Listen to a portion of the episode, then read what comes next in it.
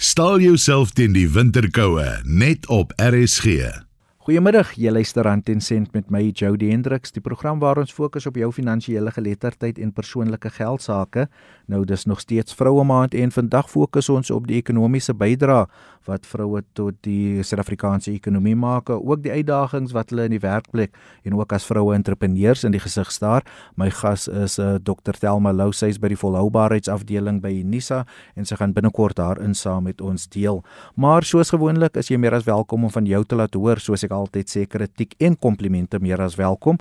Gaan na die RSG webwerf rsg.co.za en klik op my aanbieders Jody Hendriks en jy kan sodoende 'n e-pos vir my stuur. Ek is ook op sosiale media, X, die nuwe Twitter, Facebook, Instagram, TikTok en dan ook die nuwe een Threads en jy kan daar kontak maak of stuur SMS na 45889.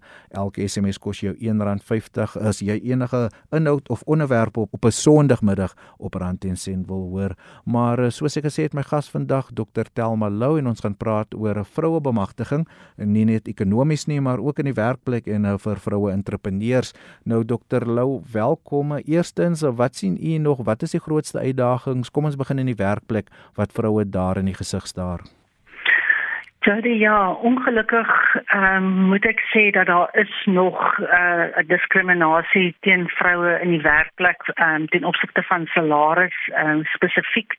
Jou jou statistieke wys vir jou dat die gemiddelde gaping tussen mans en vrouens in die werkplek tussen 23 en 35% is.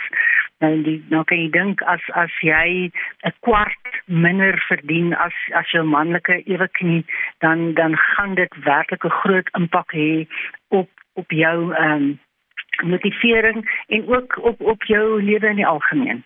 Dr Lou, so as ek reg verstaan, u sê dat vroue verdien minder in die werkplek, die statistieke bewys dit, maar dat hulle ook nog meer uitgawes het as mans byvoorbeeld as hulle kinders het, 'n skoolfooi en so voorts.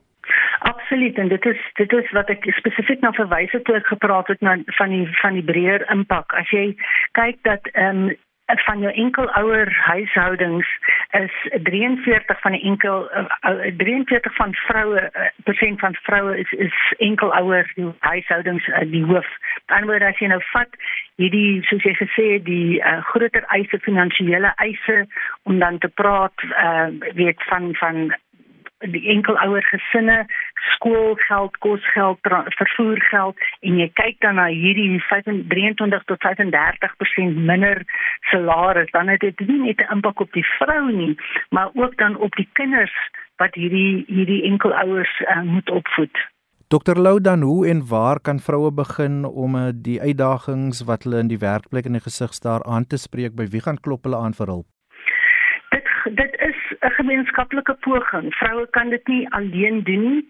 Daar moet meer gekyk word na uh, individuele werkgewers. Daar moet ons moet seker maak dat dat werkgewers elkeen nie diskrimineer teen vrouens in opsigte van ehm um, van salaris wat hulle verdien nie. As jy kyk na jou jou opnames wat gemaak word, ons het onlangs weer ingesien van die mees aanloklike werkgewers in Suid-Afrika. Nie een van hulle verwys spesifiek na 'n salarispariteit uh, ten opsigte van vroue en en mans. En so ek dink wanneer ons begin kyk na wat is jou jou begeerlikste werkgewers om voor te werk, waar waar wil ek graag gaan werk? Sal ek as 'n vrou graag wil weet dat wanneer 'n werksaanbod aan my gemaak word, dat ek kan vertrou dat as ek 'n man was, dieselfde uh, vlak van 'n van 'n salaris my sou aangebied word. Dr Lou, as ons praat oor vroue bemagtiging in die openbare sektor en die private sektor vir vroue entrepreneurs, tog getoon die statistiek dat die meeste leierskapposisies in daardie verskeie sektore nog deur mans bekleed word. Ja, uh, dit is ongelukkig so. En jy weet, ek moet vir jou sê, ek is nie 'n voorstander daarvan om vroue net te plaas in leierskapposisie om daarmee jou statistieke te laat beter lyk nie. Ek dink dit is wat mense daar nodig het is 'n baie groter mentorskap um, program wat in plek moet wees om te verseker dat die vroue wat op die ou end in daai leierskapposisies geplaas word, werklik uh, gemaklik voel in daai posisies en en dan verder as mentors kan optree optree teenoor vrouens wat nog opkomend is in in daardie spesifieke areas waar hulle aangestel word. Dokter Lou, wat is van die ander uitdagings wat vroue in die werkplek nog in die gesig staar? U het verwys na die salarisse, leierskapposisie en so voort. Enigiets anders? Wel as jy kyk na weer eens na die statistiek van ehm um, die aantal vroue wat hoof is van enkelouer gesinne, dan beteken dit natuurlik dat teen die tyd wat die vrou by die werkplek aankom, is sy al in haar tweede skof. Met ander woorde, haar eerste skof is om die gesin aan die gang te kry in die oggend te sorg dat die kinders by die skool kom, etc. En dan kom sy na tweede skof by die werk, dan verwag ons nog steeds van haar om produktief en gemotiveerd te wees en dan moet sy vanmiddag huis toe gaan en dan nog met die probleme en die, die uitdagings daar ook te maak en met die maak van kos en seker maak dat die kinders ehm um, wel hulle huiswerk doen en alles doen wat van hulle vereis word um, om dan ehm um, weet te kan vooruitgaan in die lewe. So ek dink jy weet uh, hierdie goed hang baie nou met mekaar saam. Die getal aantal ehm um, uh, enkelouer uh, huisgesinne met vroue aan die hoof, die laer salaris en die die spanning wat dit veroorsaak vir enige werknemer. Die luister aan ten sent met my Jody Hendriks die program waar ons fokus op jou finansiële geletterdheid en persoonlike geld sake. Dis vroue maand en vandag fokus ons op die uitdagings wat vroue in die werkplek, uh, vroue entrepreneurs in die gesig staar en my gas is Dr Telma Lou, sy is by die volhoubaarheidsafdeling by Unisa. Dr Lou, so kom ons skuif die fokus na vroue entrepreneurs. Ons het nou lank gepraat oor uh, die uitdagings wat vroue in die werkplek in die gesig staar, maar die vroue landskap vir vroue entrepreneurs in Suid-Afrika? Natuurlik, um, in daai opsig kyk jy na die banke. Die banke kyk gewoonlik na jou inkomste. Ehm um, en ek kan dit weer aan daai aan daai klok ook hang. Jy weet, wat is die vroue se se se inkomste? Jou bank gaan kyk uh jy weet vir hoeveel hulle vir jou lening kan gee entrepreneurskap uh, dikwels in die markte waar baie vroue wil ingaan baie vroue wil in die mynwese byvoorbeeld ingaan kleinskaalse mynwese 'n boerdery daai tipe van goed is is tradisionele mansomgewings. En daar is baie weerstand teen uh, hulle uh, in deur die die tradisionele spelers in daai omgewings ook some entrepreneur te wees is is uitdagend onder ideale omstandighede. Ek sê nie ek entrepreneurskap is nie vir mans uitdagend nie, maar ek dink mens moet onder entrepreneurs moet jy ook 'n selfvol kan skep waar die vroulike entrepreneur kan voel sy sy word gehelp, sy kan leer van haar van die ander mense in die in die bedryf byvoorbeeld en dan haarself um, op daai manier opwerk. Dr Lou, ons is al in 2023 het nou verskeie probleme vir ons uh, uitgewys, maar is ons besig om 'n verandering in die kultuur te sien in die werksomgewing in die entrepreneurskap omgewing vir vroue waar sektore wat byvoorbeeld deur uh, mans se vroeë jare gedomeineer was, hulle nou oop is om vroue te aanvaar, veral in die jonger geslag dalk.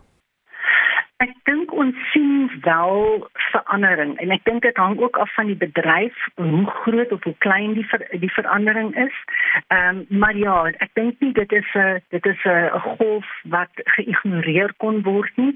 En daar is 'n uh, geleidelike vordering in baie industrieë, baie bedrywe, maar daar is ander bedrywe wat wat nog regtig waar daar nog ehm um, groot weerstand is teen uh, vroue om in daai bedrywe in te kom en ek dink mense moet maar net aanhou om daai bedrywe spesifiek te teiken om die mense te laat verstaan dat vroue nie 'n bedreiging is nie. As 'n as 'n vroulike entrepreneur in 'n bepaalde bedryf wil ingaan en sy het die vaardighede en die agtergrond wat sy moontlik by haar pa gekry het dit moet ons ook onthou. Jy jy word groot in 'n huishouding maar jou pa jou ook blootstel aan verskeie dinge.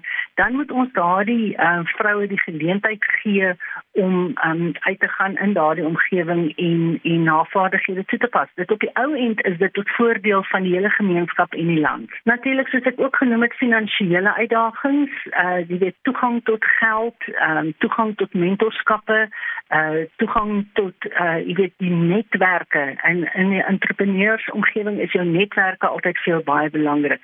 Enige iemand wat inkom in 'n in 'n bedryf en het nie noodwendig toegang tot die netwerke wat wat gevestigde um, entrepreneurs en maatskappye daar het nie. So ek dink dit is werklik ook 'n uitdaging om toegelaat te word tot daardie netwerke en dan seker te maak dat jy jouself kan bewys binne daardie netwerk. Dr Lou het vroeër verwys na die statistiek. Uh, ek dink jy het gesê so wat 40% van huishoudings in Suid-Afrika is nou enkel vroue huishoudings.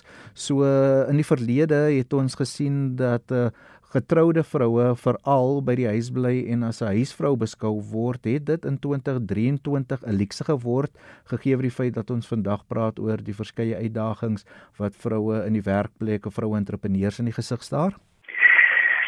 Uh, het dit 'n luukse geword vir die vrou? Ek dink uh dit op sigself is moontlik 'n seksistiese vraag. het dit 'n luukse geword vir die gemeenskap moet ons dalk vir onsself vra.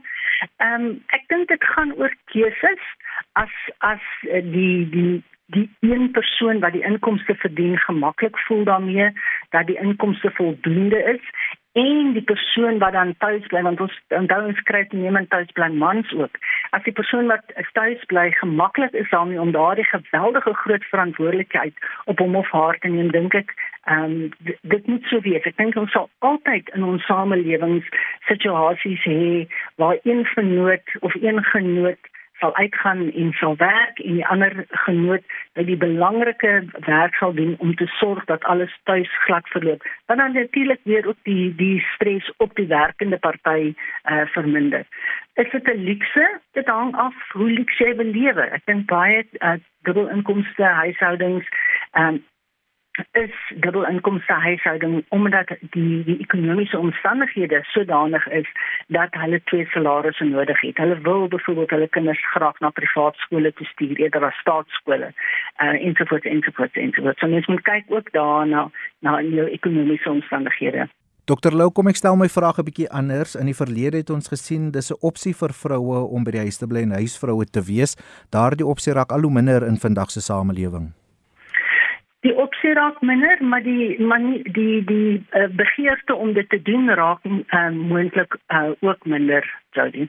Dr Lou in terme van wetgewing word ons regering gereeld geloof vir hul vroue bemagtigings um, beleid en inisiatiewe doen hulle genoeg Ja, ek dink jy weet as mens oppervlakkig kyk, doen die regering baie om om vroue te bemagtig. Ek wonder net altyd of dit ware bemagtiging is en of dit nie maar net soos die Engels sê window dressing is nie.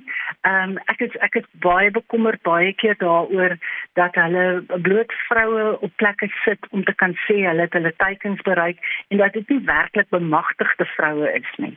Ehm um, so dit sal 'n bekommernis wees daaroor, maar ehm um, dit weer eens kan 'n mens nie vir algemeen daaroor nie. Daar is werklik ehm um, gevalle ook waar vroue bemagtig is en in posisies geplaas is en ehm um, die regering is ernstig daaroor om hierdie teikens te behaal. Dis dalk net baie keer hoe hulle daarmee te werk gaan wat kommerwekkend kan wees.